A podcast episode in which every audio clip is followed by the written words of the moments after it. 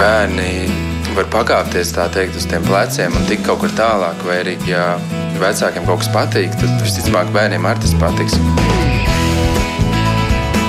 Mēs tiekamies ģimenes studijā.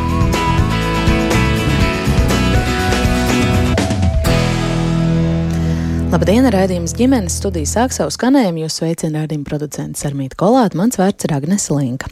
Mūsdienās bieži dzirdam un jau šķiet esam vieglu roku pieraduši teikt tādu tēzi, pussauģu vecums jau bērniem mūsdienās pienāk straujāk. Bubertāte iestājas agrāk nekā, teiksim, mums, mūsu vecākiem vai vecvecākiem, bet kas tad īsti ir pubertāte un kad tiešām būtu pamats uzskatīt, ka tā iestājas priekšlaicīgi, ka pēc to arī nevarētu atstāt bez ievērības, par to mēģināsim tikt tikt skaidrībā šodien šai sarunā.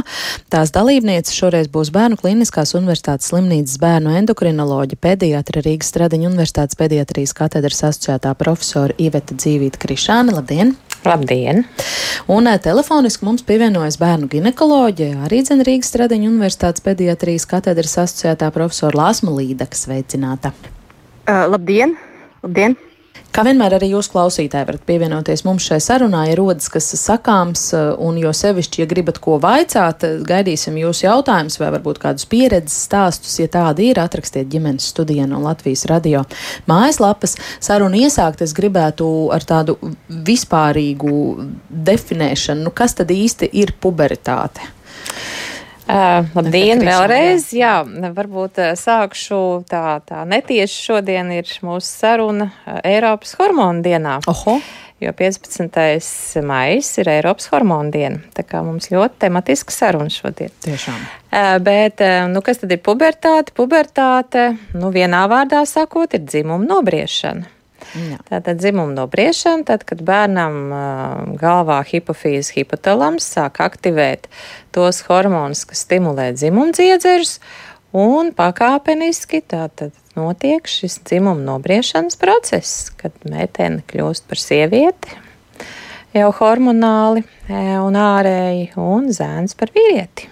Mm -hmm. nu, tas tā pavisam īsi. pavisam īsi, jā. Doktor Līda, arī varat kolēģei ko piemetināt populāri zinātniskā veidā mums un klausītājiem skaidrojot. Jā, es noprecizēšu, ka es neesmu asociētā profesora pediatrijas katedrā, bet, lai, lai nebūtu pārpratumi, bet es esmu medicīnas zinātņu doktoru ginekoloģijā. Um, paldies par precizējumu, piedodiet. ne, bet paldies par paaugstinājumu amatā. Noteikti, noteikti kādreiz tur nokļūšu cerams. Bet par, jā, par pubertāti, tātad es tikai par meitenēm, par puišiem neko daudz nezinu, ar puišiem nestrādāju, bet meitenēm, jā, nu tādā tiešām populāra zinātniskā valodā ir tas, kā parādās apmetojums, padusējis uz kalnuma rajona, um, sāk augt krūšu dziedzeri. Un uh, laiku parādās arī menstruācijas. Uh, reizēm, kā pirmās pazīmes, vecāki pamana arī to, ka sviedriem parādās uh, tāds nepatīkamāks aromāts, izteiktāks.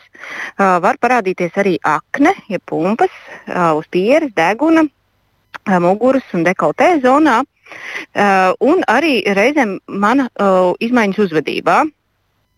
Un, uh, un, ja mēs runājam par priekšlaicīgu uh, pubertāti, dzimumu nobriešanu, tad meitenēm tas uh, ir tad, ja jebkura no dzimuma pazīmēm parādās pirms 8 gadu vecuma, uh, un puišiem, ja profesors dzīvīt man palabos, ja kaut kas pēkšņi ir mainījies pirms 9 gadu vecuma.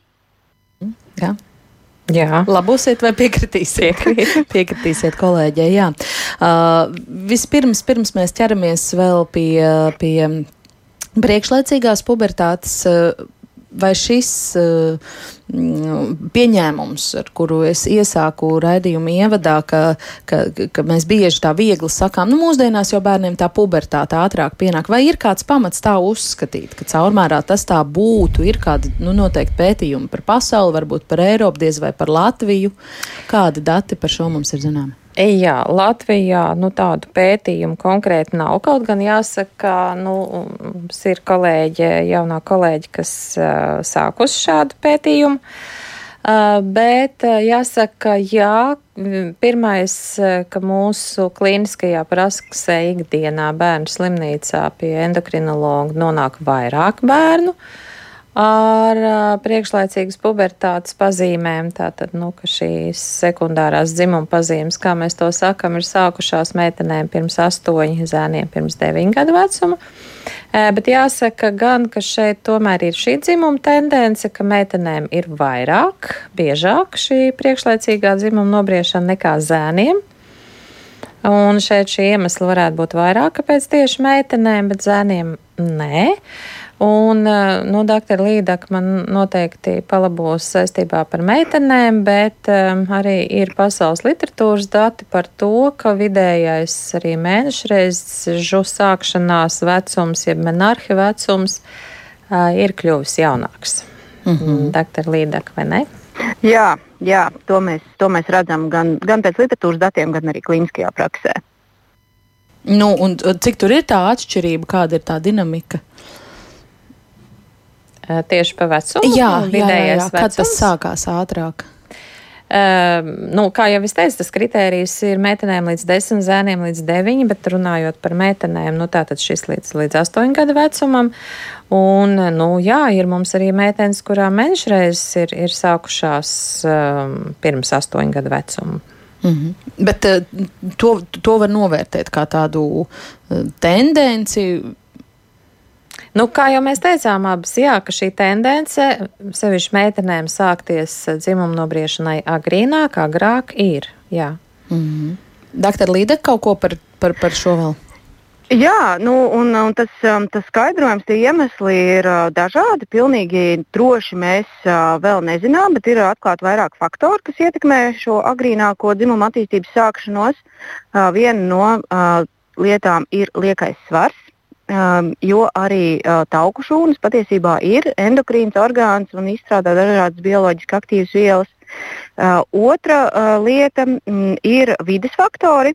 Um, tās ir dažādas ķīmiskās vielas, kas mums ir apkārt, kas tiek sauktas arī par endokrīnajām jaucēju vielām. Um, tie var būt dažādi plasmasas savienojumi, pesticīdi. Uh, jāteic gan, ka pilnīgi skaidrs, kuri tad ir tie produkti, kuri ir uh, šie ķīmiskie savienojumi, kuri tad būtu jāizslēdz, lai, lai droši izvairītos no agrīnākas dzimuma attīstības. Tādu mums nav. Jo, jo, um, nu, ķīmiskie savienojumi ir ļoti, ļoti daudz gan, gan dabā, gan gan arī tajā, mm, tajā, ko mēs lietojam, uzturā, un pārtikā, un krēmos un tam līdzīgi. Un to nav iespējams tā precīzi pateikt, kurš tad ir tas viens, kurš ir galvenais. Bet, bet jā, tas ir tas ko, tas, ko mēs redzam, ka liekais svars, endokrīnās jaucējvielas, arī tas, ka kopumā uzlabojas dzīves apstākļi. Cilvēkiem ir uh, vairāk un labāk pārtika pieejama, pat tad, ja tas nav, uh, nav rezultējies ar lieko svaru, tas uh, viss veicina agrīnāku dzimumu attīstību. Vai pie šī vēl kas piebilstams?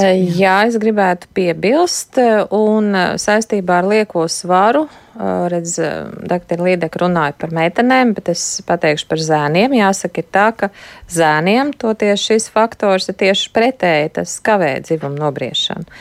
Jo, nu, kā dr. Līdaka teica, ka katra tauku šūna ir endokrīns dziedzeris principā, un katra tauku šūna ražo. Uh, gan hormoniem līdzīgās vielas, gan arī pašas hormonus, un proti estrogēnu, jeb sievišķo hormonu. Un, ja meitenēm sievišķais hormons stimulē pubertāti, tad, tad kā sievišķais hormons, tad zēniem tas kavē vīrišķo hormonu izdevu.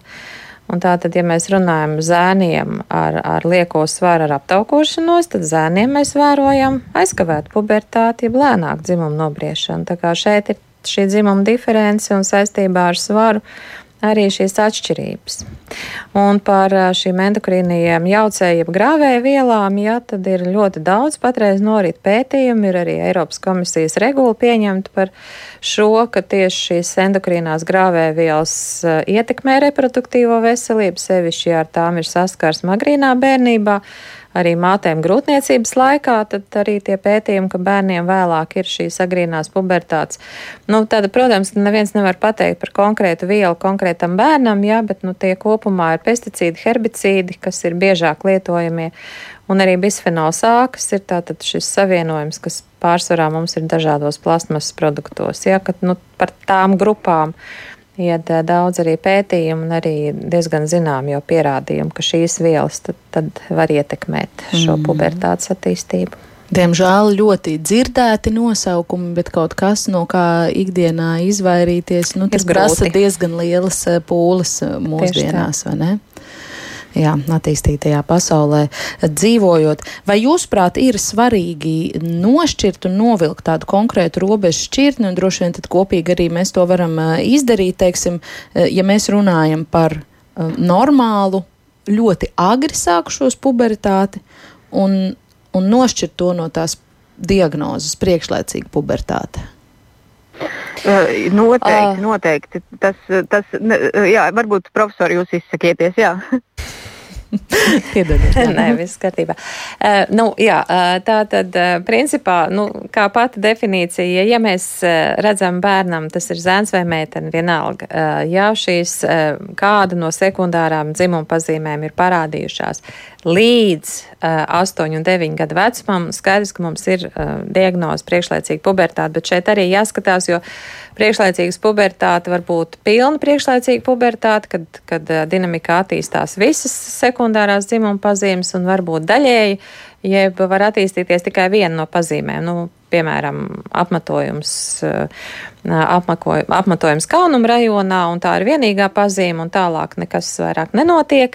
Jā, tātad tā ir šī daļējā, jeb izolētā priekšlaicīgā pubertāte.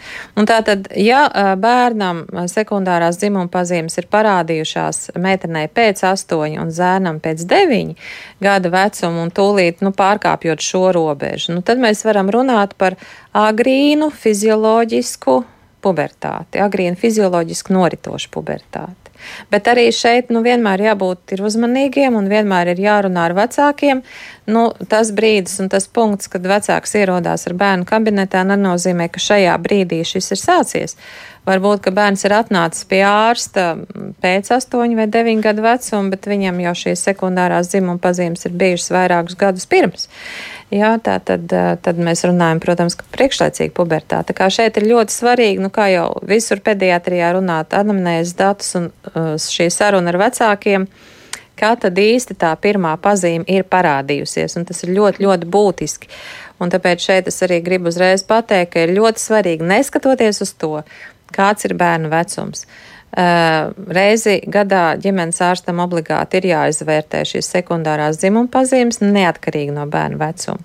Un tātad medicīniskā dokumentācijā tam ir jābūt ierakstītam. Un arī vecākiem, arī mazākiem bērniem, ja tikko tiek pamanīta kāda šī pazīme vai apmetojums vai, uh, vai krūšu dziedzera palielināšanās, um, tātad ir jāgriežās jau saulēcīgi vispirms pie ģimenes ārsta, ja, tad lai arī varētu tālāk izvērtēt, vai ir nepieciešama speciālistu konsultācija.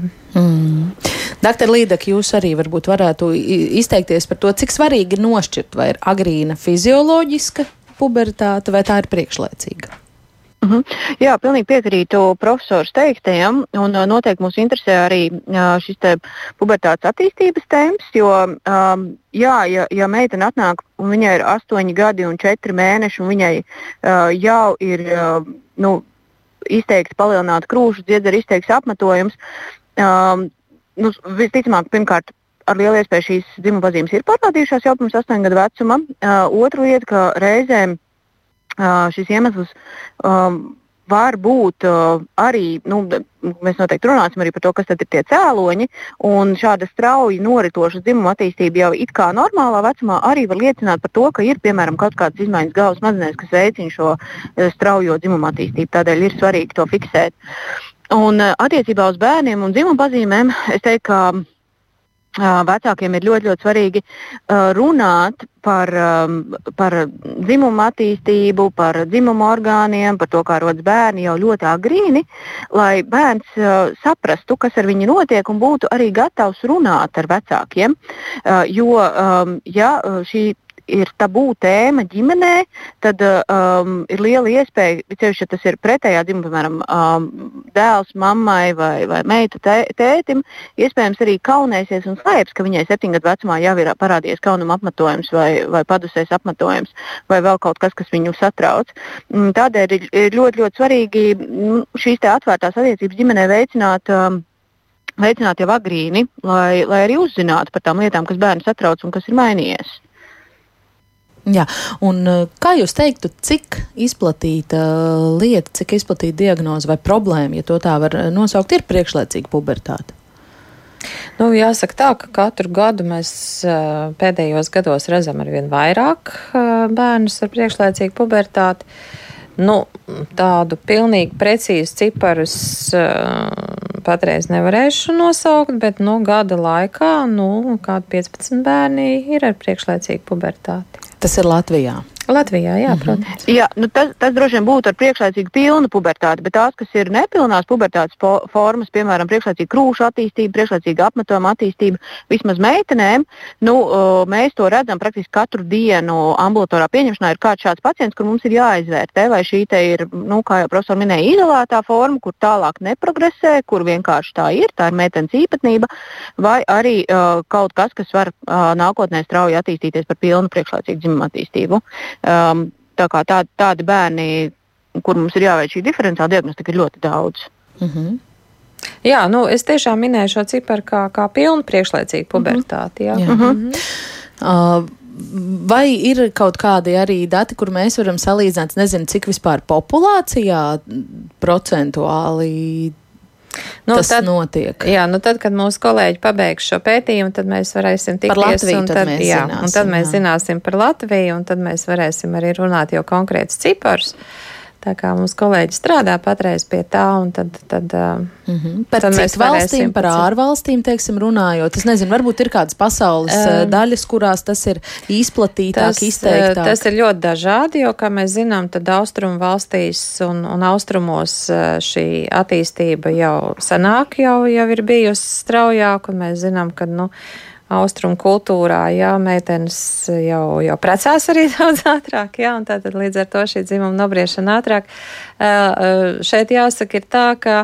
Noteiksim tās, tās normas, jeb, jeb kā mēs tā fizioloģija ir tomēr atšķirīga no geogrāfiskiem reģioniem un no, no nu, es negribu teikt, jā, nu, īstenībā arī no, no, no geogrāfiskā reģiona un no, no valsts, kur, mm. kur, kur, um, par ko mēs runājam. Nu, jā, jo es arī uh, lasot un mēģinot sagatavoties šai sarunai, manīju, ka daudz vietu kā iemesli tiek pie, pieminēts dzīvesveids un tāpat arī šīs visas uh, ķīmiskās vielas, pesticīdi jūsu minētie, un ir jau, protams, pasaules daļas, kurās tie tiek vairāk lietot. Nu, tas citā. jā, un arī klimats, nu, arī klimats jāņem vērā, klimatiskās, jo Ziemeļu valstīs uh, tomēr ir lēnāk vai, vai nav tik strauji, ka, kā, nu, teiksim, austrumu valstīs, kur, kur dienvidu valstīs, kur šī pubertāte ir ātrāk. Aha. Jau fizioloģiski ātrāk. Mhm. Doktor Līdeka? Jā, jā es, es pilnīgi, pilnīgi tam piekrītu. Jā. Eh, kā var skaidrot to, ka jūs sakāt, ka Latvijā aizvien vairāk parādās eh, bērni, nonāk pie jums bērnu slimnīcā ar šo lietu? Eh, vai tā ir labāka diagnostika? Uh, domāju, ka nē. Es domāju, tiešām šeit ir jārunā vairāk par, par ārējo vidi. Uh, meitenēm noteikti jā, par aptaukošanos, ko dr. Līdeka jau teica, jo tā ir nu, nākamā sāpīgā tēma, kad aptaukošanās bērnu vidū strauji pieaug. Un tas, protams, atstāja iespēju arī uz reproduktīvo veselību. Meitenēm straujāk, zēniem lēnāk. Ja? Mm -hmm viennozīmīgi. Nu, un, protams, ka ārējā vide ar visu ķīmijas piesārņojumu, gaisa piesārņojumu noteikti. Mm. Piekritīsiet šim, doktor Līdekam?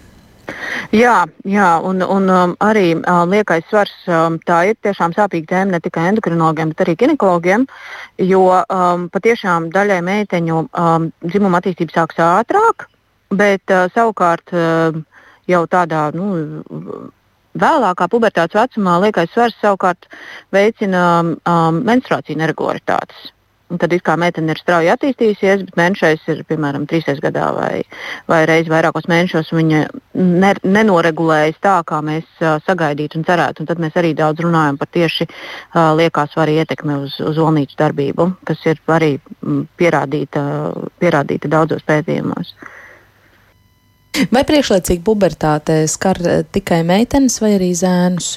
Jo šķiet, ka par meitenēm mums tagad tā eh, runa zīmēta. Jā, nē, nu kā jau es minēju, arī tos kritērijus, protams, arī iet runa par zēniem.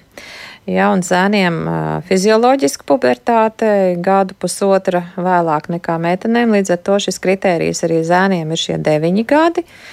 Un, nu, ja mēs runājam par, par tādām pazīmēm, tad bieži vien zēniem šo priekšlaicīgo pubertāti pamana retāk, jo zēniem tā, tā pubertātes pirmā pazīme ir sēklnieku tilpuma palielināšanās, ko nevienmēr tā kā pamana. Ja meitenēm krūžs dziedzerīšas pamana, nu tad zēnam tieši, tieši runājot, ko doktor Līdeka arī minēja par šo uh, sarunu ģimenē, jeb, jeb, jeb to, ka par šīm lietām jā. ir jārunā. Ja? Tad zēniem, nu, tas, tas zēns pats īsti varbūt nesaprot, kas ar viņu notiek, ja, un, un, un tā saruna nav, un, un ar viņu neviens nav runājis, un tāpēc arī tas sākotnēji netiek pamanīts bieži vien. Un te paturpinot arī doktors Līdeks teikto, nu tad runājot par zēniem, nu tā tēva loma šajā ziņā ir ļoti būtiska, kad arī ne tikai ar meitenēm jārunā par šīm dzimumu lietām, bet arī noteikti tēvam ar savu dēlu ir jārunā un arī agrīn par šo ir jārunā. Un arī tomēr nu, jāpasako līdzi, kas tad notiek, ja, jo bieži vien mēs redzam diezgan nu, tādas nopietnas problēmas jā, ar, ar dzimumu orgāniem, kas, kas nav pamanīts. Jā. Vai arī nav zināts, kas ir jāvēro, kas ir jāvērtē? Nu, nezinu, ja tētis mājās ar, tad, tad nu, tētis jau nu noteikti šīs lietas viņam vajadzētu zināt. Jūs labi vērtējat mūsu nu, es esmu pesimists. Jā, es esmu optimists. Jā, veselības jā. pratība nav tik spoža Latvijas sabiedrībā ar šo. Doktor Līde, ko piebildīsiet vēl par to um, proporciju zēnu, mm -hmm. meiteņu, jo, nu jā, jūs jau sākumā teicāt tā. Par zēniem neko Par zēniem ne, nestāstīsiet, jā, nu es arī, piemēram, palasot interneta fórumos vecāku sarunas, māmu sarunas, tur tomēr par priekšlaicīgo pubertāti runājot, dominē stāsti par meitām, mm -hmm. meitenēm. Uh, noteikti, bet es arī nu, aicinātu vecākus uh, to savu slikto veselības pratību uh, novērtēt un arī neuztvert, uh, neuztvert kā nemaināmu lietu. Jo nu, patiešām ir ļoti daudz materiālu pieejami, un, uh, un arī bērnu slimnīcas mājaslapā ir materiāli par normālu dzimumu attīstību. Ir uh, bērnu slimnīcas radītais portāls Vesela pasaule LV, kur ir arī multfilma par to, kā rodas bērni, un, un arī informācija par pubertāti. Un, uh, tas patiešām uh, šobrīd visa informācija ir dažu klikšķu attālumā, to vajag arī izmantot, ne tikai meklējot tuvākos restorānus, bet arī, arī uzzinot par savu un savu bērnu veselību. Tā kā es aicinātu vienkārši palasīt un, uh, un, un pa laikam apskatīties, kas jauns ir parādījies pasaulē. Jā. Es uh, nolasīšu arī dažus klausītāju jautājumus. Tie pamazām sāk ienākt mūsu elektroniskajā pasta kastē. Jānis uh, aicina mūs mm, pieminēt arī pārtiku, runājot uh, par visu šīs dienas tematu. Gaļas dzīvnieku barībā ir augšanas stimulātori un hormoni, kas visi nonāk cilvēku pārtikā un ietekmē arī bērnu organismus. Šo var pieskaitīt kā vienu no iemesliem pie tā klāsta, ko mēs minējām, kas varētu būt priekšlaicīgās pubertātes izraisoši faktori. Uh, jā, nu, jāsaka, ir tā, ka pārtikā nonāk arī manas pieminētie pesticīdi, herbicīdi, neapšaubām, jā, un tā jau mēs viņus arī ne tikai caur ādu un caur mm. elpošanas ceļiem, arī caur pārtikā pēdam noteikti. Uh, runājot, runājot par hormoniem, uh, jā, protams, es neesmu vetārsts un es uh, nezinu, kas tiek lietots uh, kādu preparātu konkrēti katru dzīvnieku audzinā, audzēšanā. Bet, nu, kā mēs redzam, arī citreiz ir uz visas gaļas rakstīts, ka bez antibiotiķa, audzēts bez antibiotiķiem un bez, bez hormoniem.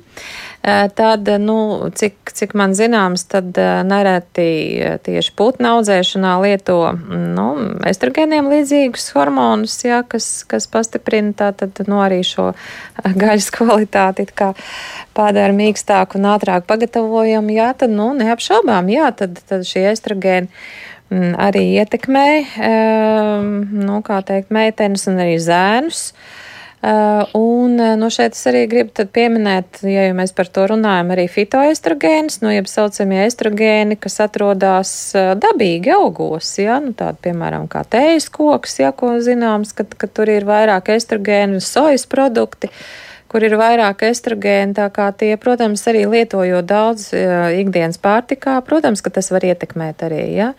Un šeit runājot arī par, par zēniem, jā, tad, nu, ikdienā lietojot jā, sojas produktus vai, vai, vai šos fitoestrogēnus, jā, tad mēs vērojam jā, šo ginekomastību, grūždziedzeru palielināšanos, kas, protams, ir likuma sakarīgi, kas reaģē uz šiem dabīgiem arī augos esošajiem estrogēniem. Jā. Mm. Doktor Līdek par šo vēl ko komentēsiet klāt arī? Nē, es domāju, ka, ka profesori jau, jau izsmeļoši izstāstīja. Mm.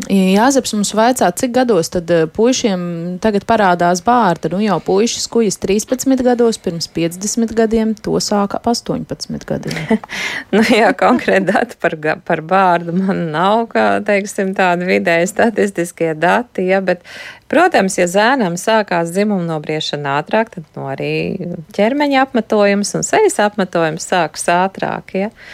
Um, tā kā nu, tas, tas, tas ir tas um, likumsakarīgi, ja, ja mēs runājam par ātrāku dzimumu nobriešanu, tad, tad arī nu, šī, šī ādas pubertāte, kā mēs to zēniem saucam, ka te ir gan, gan šie mm, tauku dziedzeri, tātad šīs aknes un arī ķermeņa apmetojums, tā skaitā sejas apmetojums. Jā. Mm. Vēl par uh, ēdienu kāds stāsts. Māma raksta meitiņai, sāk augt viens krūts dziedzeris trīs gadu vecumā. Braucām uz bērnu slimnīcu, vienā olnīcā sāka veidoties folikuli. Mūsu gadījumā veicinātājs bija A vitamīns ar zivs eļļu, pārtraucām to lietot un viss normalizējās. Meitai tagad 18 un visa attīstība notika atbilstoši normai.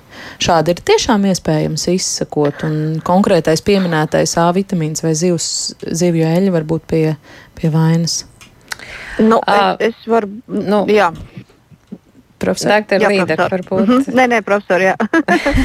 Viena otrai. Nē, nu man, man grūti uzreiz tā, teiksim, asociēt tā vitamīnu konkrēti. Jā, protams, ja mēs runājam par jebkuru uzturu bagātinātāju lietošanu, jā, tad šeit, nu, tomēr jāpieiet kritiski un vai tiešām, nu, trīsgadīgam bērnam A vitamīns papildus būtu tā jālieto. Uh, nu, ja mēs runājam par zivju eļļām, un, un tad konkrēti pati zivju eļļa ar to sastāvu omega-3 uh, pārsvarā augstskābēm, ja, kas ir šis augstskābu maisījums, tam noteikti nevajadzētu uh, būt kā, kā triggerim, ja palaidēja mehānismam agrīnai pubertātei. Nu, bet šeit iet runa par pieaukumiem, ja, par to pašu, ko mēs runājam. Tāpat mēs zinām, ja zivju eļļa no zivīm, nu, tad, tad arī zivju piesārņojums Zivju eļļa jau ir ļoti koncentrēta zivju produkts, jā, līdz ar to ir jā, jādomā par to, kāda tur ir bijuši klāt, nu, teiksim, tie nelabvēlīgie, mm, nelabvēlīgās vielas, kas to varētu izraisīt. Jā, tā kā, nu, es nedomāju, teiksim, omega-3 augstskābes, ka būtu pie vainas priekšlaicīgai pubertātei. Mm -hmm. Jāpiebilst arī, ka um, šī krūšu dziedzera attīstība var notikt viļņveidīgi. Um, var parādīties teiksim, viens krūts iedzerīts, tad pāriet otrs krūts iedzerīts, uh, tad pēc laika atkārtoties. Uh, līdz ar to nu, jā, ļoti grūti pateikt, vai tas, tas tiešām, tiešām varēja būt uh, saistīts, vai tā bija vienkārši sakritība. Un arī, meitai tagad jau ir 18 gadi, nu, uh, pirms 15 gadiem es vismaz ļoti ceru, ka ka pārtikas un uh, uzturbagātinātāja drošība ir arvien palielinājusies uh, šo 15 gadu laikā. Tā kā, tā kā es domāju, ka nav tā, ka uzreiz visas zivju ēļas būtu būt jāmet ārā, bet jā, A vitamīna lietošana šajā vecumā, jā, tas ir jautājums, kā, kādēļ tas, tas bija nepieciešams. Un, un, un vai to, vai to tiešām vajag darīt. Nu, jā. to neatbildēsim, bet eh, atpakaļ pie mm -hmm. priekšlaicīgās pubertātes. Eh, kādu savu pieredzi stāstu ģimenes studijai piekrita pastāstīt kāda mamma. Viņas eh, meitai par laimi diezgan laikus tikus diagnosticēta priekšlaicīga pubertāte, un paklausīsimies mammas stāstītajā, kā tas noticis. Mītai bija tikko palikuši astoņi gadi, un es ar draugu aizbraucu ar bērniem atpūsties pie jūras.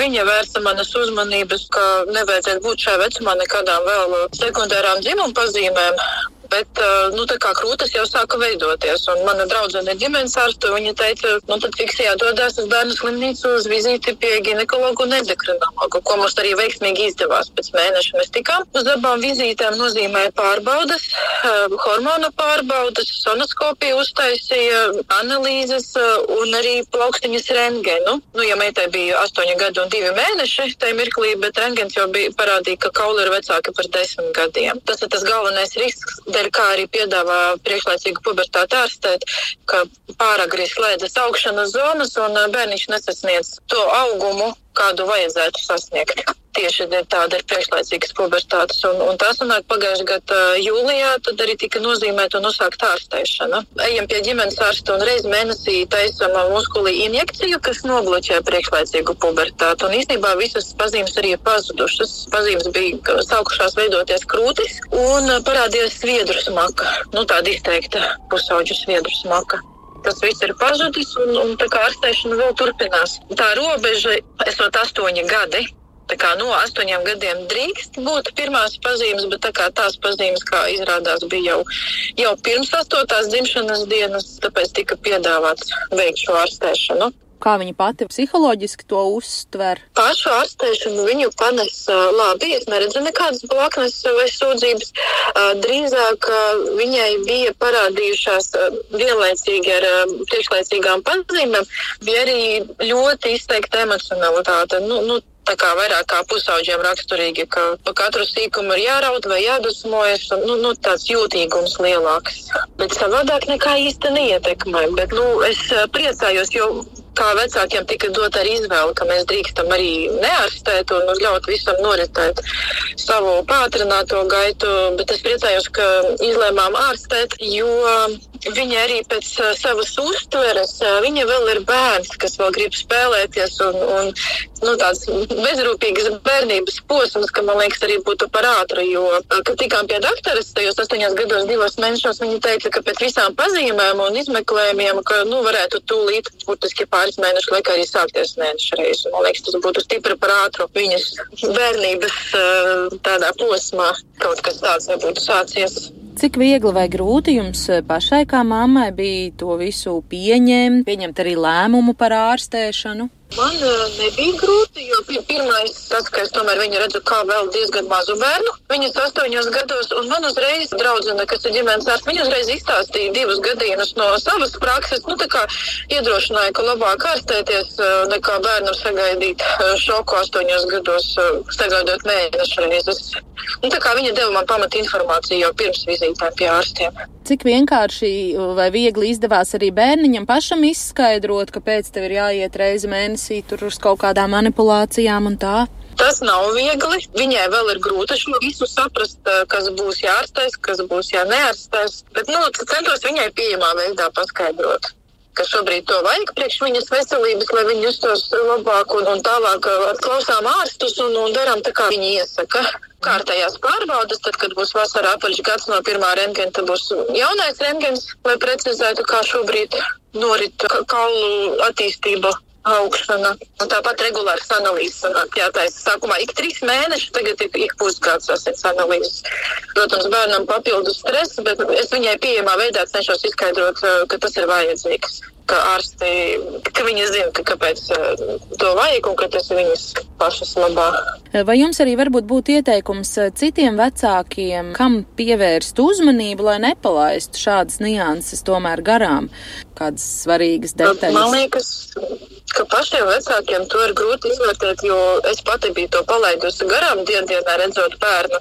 Vienkārši runājot eh, ar draugu, viņa saka, ka sākās izmaiņas. Es tā sāku domāt, meklēt bildes, ka īstenībā jā, jau sākās pirms kādiem trim mēnešiem, bet es pat kaut kā nepievērstu uzmanību, jo tās izmaiņas jau notiek pakāpeniski. Nav tā, ka vienā dienā pēkšņi krūtis sāk veidoties bērnam.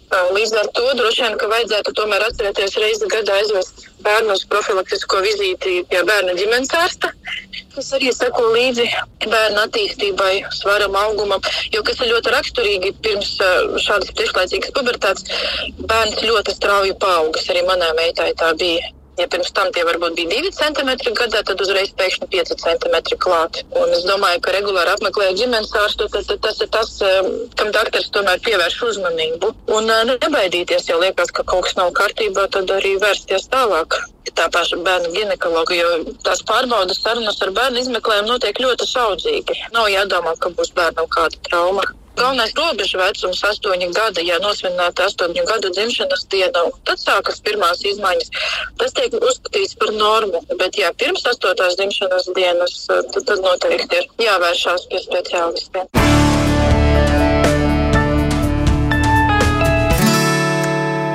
Tāds lūk, mammas stāsts. Es atgādināšu, ka ģimenes studijā mēs šodien runājam par to, kas ir priekšlaicīga pubertāte un kāpēc šajā ziņā bērnu vecākiem ir jābūt uh, pietiekoši vērīgiem. Mans viesnes ģimenes studijā šodien ir bērnu endokrinoloģija Iveta Dzīvīta Krišāna un bērnu ginekoloģija Lāsma Līda kopā ar mums telefoniski. Uzreiz vaicāšu, vai kādu komentāru par dzirdēto kaut kas, ko, ko gribētos akcentēt vai piebilst mammas teiktajam.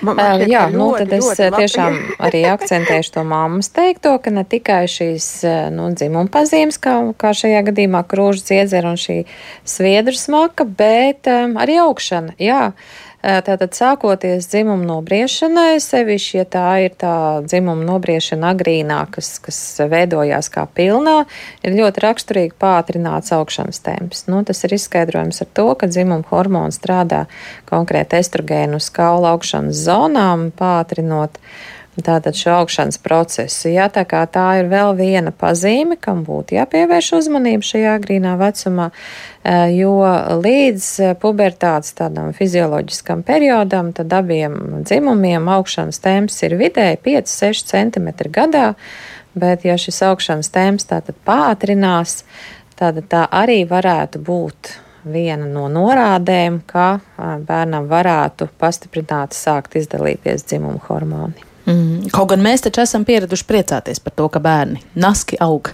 Jā, bet vienmēr tas zelta vidusceļš ir tas pareizākais, un ne par maz, ne par daudz ir labi. Mm. Tomēr ir kaut kādas zināmas šīs fizioloģiskās robežas, kurās bērnam būtu jāiekļaujās. Jā. Un vecāki tad paturprātā 5-6 cm gadā. Tas ir vidēji jā, līdz pubertātes fizioloģiskajam vecumam, ka tas ir tas vidējais vecums no 3 gadu vecuma līdz pubertātes sākumam, vidējais augšanas temps 5-6 cm gadā. Mm -hmm. Tātad, Līdek, piedodiet, tagad vārds jums. Jā, es atvainojos. Lielisks stāsts, manuprāt, ar ļoti, ļoti daudz uh, informāciju un uh, arī tiešām daudz tādiem pieturas punktiem. Uh, sākšu, sākšu tādā varbūt nedaudz haotiskā secībā, bet, um, bet uh, aicinājums jā, uh, vecākiem vērot savus bērnus, tiešām doties uh, pie ģimenes ārsta profilaktiskās pārbaudēs. Un arī, kā, kā es saku, mēs skatoties uz saviem bērniem, uh, nu, mums rozā brilles nekad nenokrīt, un viņi ir vissmukākie, visgudrākie un vis, vis, visforšākie, un tieši tā arī ir. Bet es arī skatoties uz saviem bērniem, laiku pa laikam tiešām apzināti cenšos šīs rozā brilles noņemt un nopētīt viņus kritiski. Protams, neko skaļi nekomentējot, bet tajā brīdī var un, un salīdzināt arī ar citiem bērniem. Uh, protams, nesteigties izdarīt secinājumus, jo bērni tiešām ir dažādi, uh, bet, uh, bet nu, Pilnīgi par, par citu tēmu mums, mums regulāri bērnu slimnīcā gadās meitenes ar milzīgiem veidojumiem vēdā, kur vēders ir patiešām palielināts un izrādās palielināts bijis jau pusgadu, un arī vecāki to nav pamanījuši.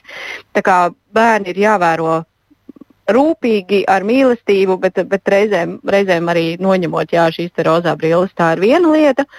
Uh, un otra lieta, ko, ko mamma arī minēja par, um, par emocionalitāti, Uh, jo tā arī, nu, protams, ka bērni un, un sevišķi meitenes, nu, tas ir normāli, ka, ka ir emocijas, bet tā emocionalitāte, uh, kas parādās tajā brīdī, kad sākas dzimuma attīstība, ir dru, drusku citādāka.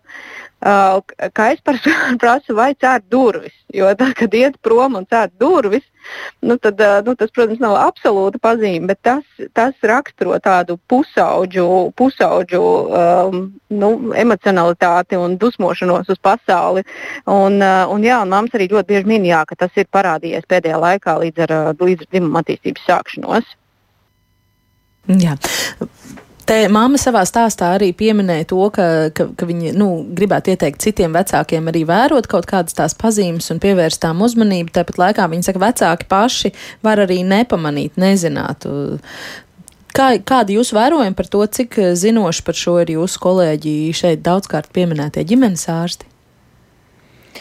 Nu, kā jau sabiedrībā kopumā, arī ģimenes ārsti dažādi, un arī ģimenes ārstu pievērstā uzmanība bērnam tieši no šīs profilaktiskās, jeb veselības, jeb vispārējā veselības stāvokļa un fizioloģijas izvērtējumi ir dažādi.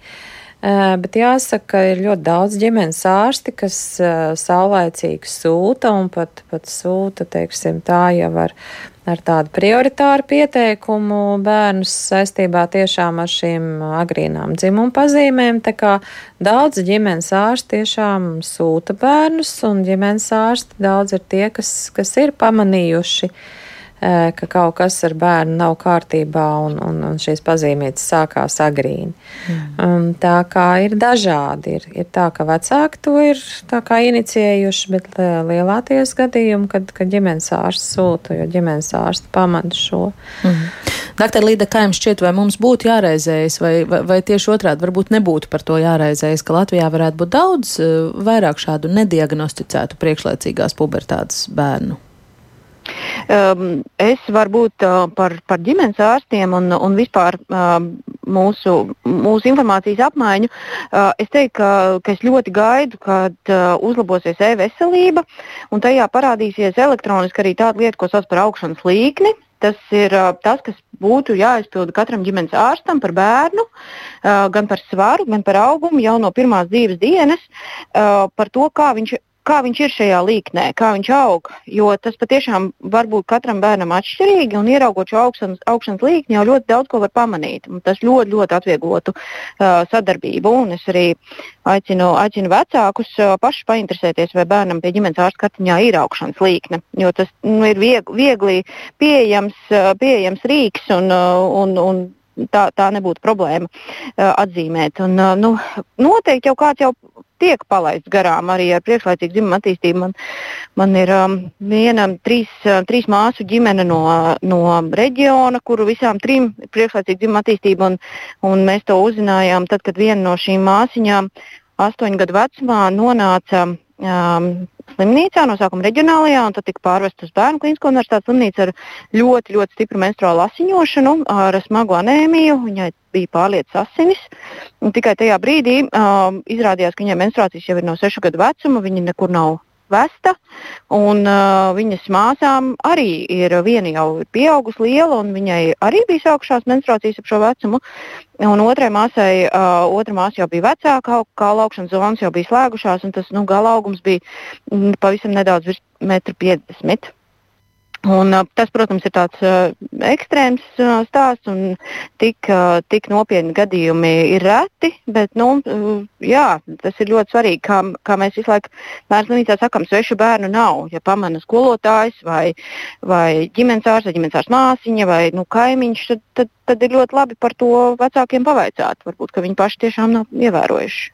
Mm. Kāds klausītāja jautājums, vai, vēl, vai šāda agrīna pubertāte nozīmē, ka bērns teorētiski varētu kļūt par vecāku, iznēsāt un nesāt bērnu? Diemžēl nu, neapšaubām, jo pubertāte mm. progresē un viņa norit pēc pilna tipa, tad, tad jā. Mm -hmm. Tad fertilitāte arī atbilstoši, pap, atbilstoši nobrieduma pakāpei arī iestājās ātrāk. Jā. Jā. Pēc kāda principa vispār notiek, ko jūs varētu pastāstīt par ārstēšanas procesu, ko tas vispār nozīmē apturēt priekšlaicīgu pubertāti? Nu, tātad pirms mēs runājam par ārstēšanu, mums jātiek skaidrībā par cēloni. Jo Aha. ārstēt mēs varam tikai tad, zinot, kas bijis par iemeslu šai pubert, priekšlaicīgai pubertātei. To vienmēr var noskaidrot. Un iemesli, jā, iemesli ir dažādi. Nu, tā tad mēs runājam, nu tā varam izdalīt divas lielas uh, priekšlaicīgas pubertātes cēloņu grupas. Pirmā ir centrālā, ko mēs sakām. Tas nozīmē, ka uh, pie vainas šeit būs agrīna uh, hipotalama un hi hipofizārās sistēmas aktivācija. Nu, tātad hipotalams un hipofīze mums galvas smadzenēs ir galvenais endokrīnais regulētājs dziedzers, nu, kas stimulē visus perifēros endokrīnos dziedzerus. Un tā tad šeit jāizslēdz, vai nav problēma, ka ir agrīnāk sākuši strādāt šie dzimuma hormonu stimulējošie hormoni. Nu, tātad šis var būt tīri idiopātiski, jeb, nu, kur mēs nevaram atrast iemeslu, ka tīri funkcionāli šie hormoni sāk strādāt ātrāk, vai, nu, vēl viens cēlonis var būt kāda uh, patoloģija, problēma galvas smadzenēs. Tie var būt audzēji, Tātad galvenais, kas mums būtu jāizslēdz, ja tie ir audzēji, tās ir sekas pēc smagām neiroinfekcijām un dažādām citām patoloģijām šajā reģionā. Nākamais iemesls tātad ir šie perifērie, jeb iemesli, kas saistīti ne ar galvas smadzenēm. Tātad tās zēniem sēklinieki, meitenēm olnīcas un abiem dzimumiem virsnieris, jo arī virsnieris ir dziedzeris, kas ražo dzimumu hormonus. Un, nu, jā, vēl, vēl teiksim, nu, perifēri galvenie šie trīs, ja tie dzimumciedzi ir atbilstoši dzimumam un virsnieris. Tad mums ir jānoskaidro cēlonis, un atkarībā no cēloņa tad mēs ārstējam. Un ja šeit runas mammas stāstā, jā, un arī par pubertātu šo bloķēšanu, šādi mēs ārstējam tikai centrālas dabas pubertāti. Ja mēs konstatējam perifēras dabas, tad tur jau ir jāārstē cēlonis. Mm -hmm. Doktor Līdek, vai piebildīsiet vēl kaut ko par šo? Uh, es, es jau gribēju pieminēt uh, uh, par izmeklēšanu nedaudz, un tas, ko arī mamma minēja, uh, aicinātu nebaidīties no uh, apskates, no vizītes pie ginekologa, uh, jo meitenēm, kas nedzīvo dzimumdzīvi, uh, nav nu, praktiski ļoti, ļoti retos gadījumos ir jākāpj uz šī slavenā ginekoloģiskā krēsla. Uh, sonogrāfijas apskats notiek caur vēderu, uh, dzimuma orgāns apskatās meitenē guļot uz kušetes, uh, ir iespējams visu darīt pa daļām, respektīvi, kā sākuma vizītē ja meitene ļoti, ļoti uztraucās, var arī tikai iepazīties un izrunāties. Un, nu, katrā ziņā neatlikt šie jautājumi risināšanu, tāpēc, ka ir bail no vizītes. Jo nekas sāpīgs, nu, izņemot analīžu, asins analīžu ņemšanu, darīts netiek. Uh, un, un tādēļ es, es, es tiešām aicinātu iedrošināt un, uh, un nebaidīties. Mm. Un, Bet par terapiju, jā. jā. Mm -hmm. Jā, jā. jā, šīs perifērās formas uh, mēdz būt uh, ar dažādiem veidojumiem, un tad mēs pārstājam veidojumu, vai arī, ja tas ir galvas smadzenēs, un meitenēm lielākoties mēs neatrodam cēloni galvas smadzenēs. Visbiežāk tas ir idiopātisks iemesls, uh, kur, kur um, nu jā, vienkārši galvas smadzeņu dziederi ir sākuši strādāt. Mums nezinām iemeslu dēļ. Uh, bet uh, reizēm jā, tās ir specifiskas lietas, kur mēs iesaistām, piemēram, neiroķirurgus un, un tad risinām to komandas darbā. Jā. Uh, es gribu vēl pajautāt par vecākiem, vai vecāki jūsu pieredzē vairākumā gadījumā ir līdzestīgi, vai mēdz būt arī situācijas, kad vecāki, piemēram, atsakās no šādas ārstēšanas? Lielākoties gadījumi ir līdzestīgi, jo nu, mēs izrunājām visas tās sekas, kas, kas varētu būt, un arī vecāki redz, ka nu, viņu bērns vienaudžu vidū ir neatbilstošs gan auguma ziņā, gan arī šīs emocionālās, psihoemocionālās sfēras um, saistībā. Un arī runājot par to, ka šī priekšlaicīgā pubertāte neārstēta var eh, radīt eh, sekas uz augumu, un, gala rezultātā bērns var palikt maza auguma. Nu, tā ir tā motivācija šo, šo bloķējošo terapiju uzsākt tajos gadījumos, ja tiek pierādīta šī centrālā priekšlaicīgā pubertāte. Un, eh, nu, jā, kā jau mamma teica, jā, tad šī ārstēšana ir vienreiz mēnesī. Jā, šī, injekcija, kas ir jāveic. Jā, tā kā nu, pārsvarā gadījuma vecāki ir līdzstīgi. Nu, ir bijuši pāris gadījumi, kad ir tāda radikāla nostāja vispār pret nu, tā kā ārstēšanu kā tādu un medikamentiem. Tā kā, nu, cilvēki ir dažādi, bet pārsvarā, jā, pārsvarā vecāki ir līdzstīgi. Mm -hmm. Vai ir kaut kas, ko pieminēt arī par ārstēšanu, kā tā vispār ietekmē vispārējo organismu attīstību? Nu, principā citādi nē, ja mēs runājam atkal par šo centrālo un pubertātes bloķēšanu, tad vienkārši mēs tā kā, nu, nospiežam stoppogu hipofīzei, ražot hormonus, kas stimulē perifēros dzimumdziedzerus. Līdz ar to, nu, iestājās tāda konkrēti jau, nu, bloķēšana šiem konkrētiem hormoniem un principā uz tādu vispārējo veselību un uz, uz e, pašsajūtu bērnam nu, nekādas ietekmes nav. Mm -hmm. Doktor Līdaka, e, vai par šo Jā. vēl kas piebilstams? Jā, gribētu vēl teikt, ka medikamenti tiek lietoti jau vairākas desmitgades. Līdz ar to ir ļoti skaidri zināms, ka nav problēmas arī pēc tam nākotnē meitenēm ar grūtniecības iestāšanos vai viņu bērniem, problēmas ar auglību un pubertāti. Tā ir viena lieta. Un otra lieta, jā, šie medikamenti lietošanas instrukcijā, jo tie tiek lietot arī citām indikācijām, ir patiešām rakstītas daudzas blakus parādības, kā piemēram karstuma viļņa, osteoporozes attīstība. Bet, um, to mums saka arī literatūra, un to mēs redzam arī klīniskajā praksē. Lietojot bērniem, viņi parasti panes uh, ļoti labi, tikai tas, ka tas ir nepatīkami, ka tā ir injekcija. Bet uh, lietošanas laikā nu, nekādas tādas blakus parādības man nevienam pacientam nav bijušas. Un visbeidzot, eh, gribētu kaut ko piebilst? Nē, es vienkārši to, ka šīs blakus parādības jau vairāk ir pieaugušiem un bērniem, mm jo, protams, mēs skaidri apzināmies, ka tas ir īslaicīgs terapijas kurs, ja tas ir mm. gads vai, vai, vai vairāk gadi, bet nu, neilgstoši kā tas, teiksim, pieaugušo indikācijām. Tā kā līdz ar to tad pieaugušiem, protams, ka šīs blakus parādības ilgi lietojot, ir lielāks. Jā. Mm. Un visbeidzot, tad, kad uh, jums noslēdz šī saruna ar, ar, ar ģimeni, ar bērnu vecākiem par, par ārstēšanu, vai, teiksim, ir arī no jūsu puses kāda ieteikuma viest kādas dzīvesveida izmaiņas? Nu, ja iet runa par lieko svaru un aptaukošanos, ja, kā jau mēs te pieminējām, protams, jā, tad, tad ir arī šī svara redukcija ļoti, ļoti svarīga. Jā, tā kā nu, tas, tas ne tikai saistībā ar pubertāti, bet arī kopumā ar bērnu veselību.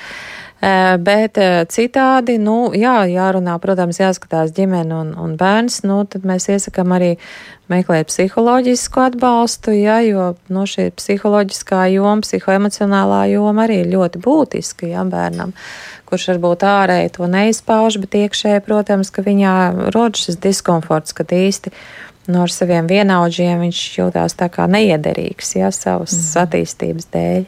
Mm. Doktor Līdaka? Jā, atkal, atkal uh, par to, cik svarīgi ir uh, laicīgi sākt runāt ar bērnu, jo mēs um, nu, tomēr gana bieži redzam situācijas, kad mēs konstatējam, ka meitenei, piemēram, ir 9 gadi, viņai normāli norit dzimuma attīstība, jā, varbūt nedaudz ātrāk, viņai drīz sāksies mēnešais, bet nu, tas nav tā, ka mēs uh, tāpēc to apturēsim, uh, tāpēc ka meitene nu, tam vispār nejūtas vēl gatava. Uh, un uh, vecākiem jau patiešām laicīgi sākt runāt um, un, uh, un laicīgi arī sagatavot tam, ka tas kaut kad dzīvē notiks. Un iespējams, ka tas notiks ātrāk nekā mēs uh, kādreiz teicām, ka ap 12, 13 gadu vecumu. Iespējams, tas būs ātrāk. Un, un tad arī daudzas šīs emocionālās lietas um, būs vieglāk, vieglāk bērnam saprotamas arī normālas pubertātes gadījumā. Jā.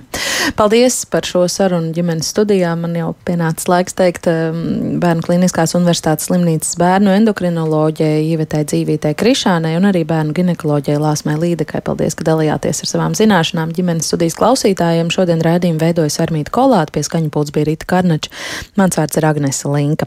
Kliekšana, emocionāli aizskaroša aizrādījuma treniņos un deju mēģinājumos mēdz būt bērnu un jauniešu ikdiena. Kāpēc mēs kā sabiedrība joprojām akceptējam vardarbību kā līdzekli bērnu sportā un citos pulciņos, un kā rezultātu varētu sasniegt arī ar citiem līdzekļiem. Par to diskutēsim redzījumā ģimenes studija rīt, kā vienmēr no diviem līdz trījiem. Klausieties mūs arī podkāstos mobilajā lietotnē un sekojiet ģimenes studijai satīklos. Vislabāk!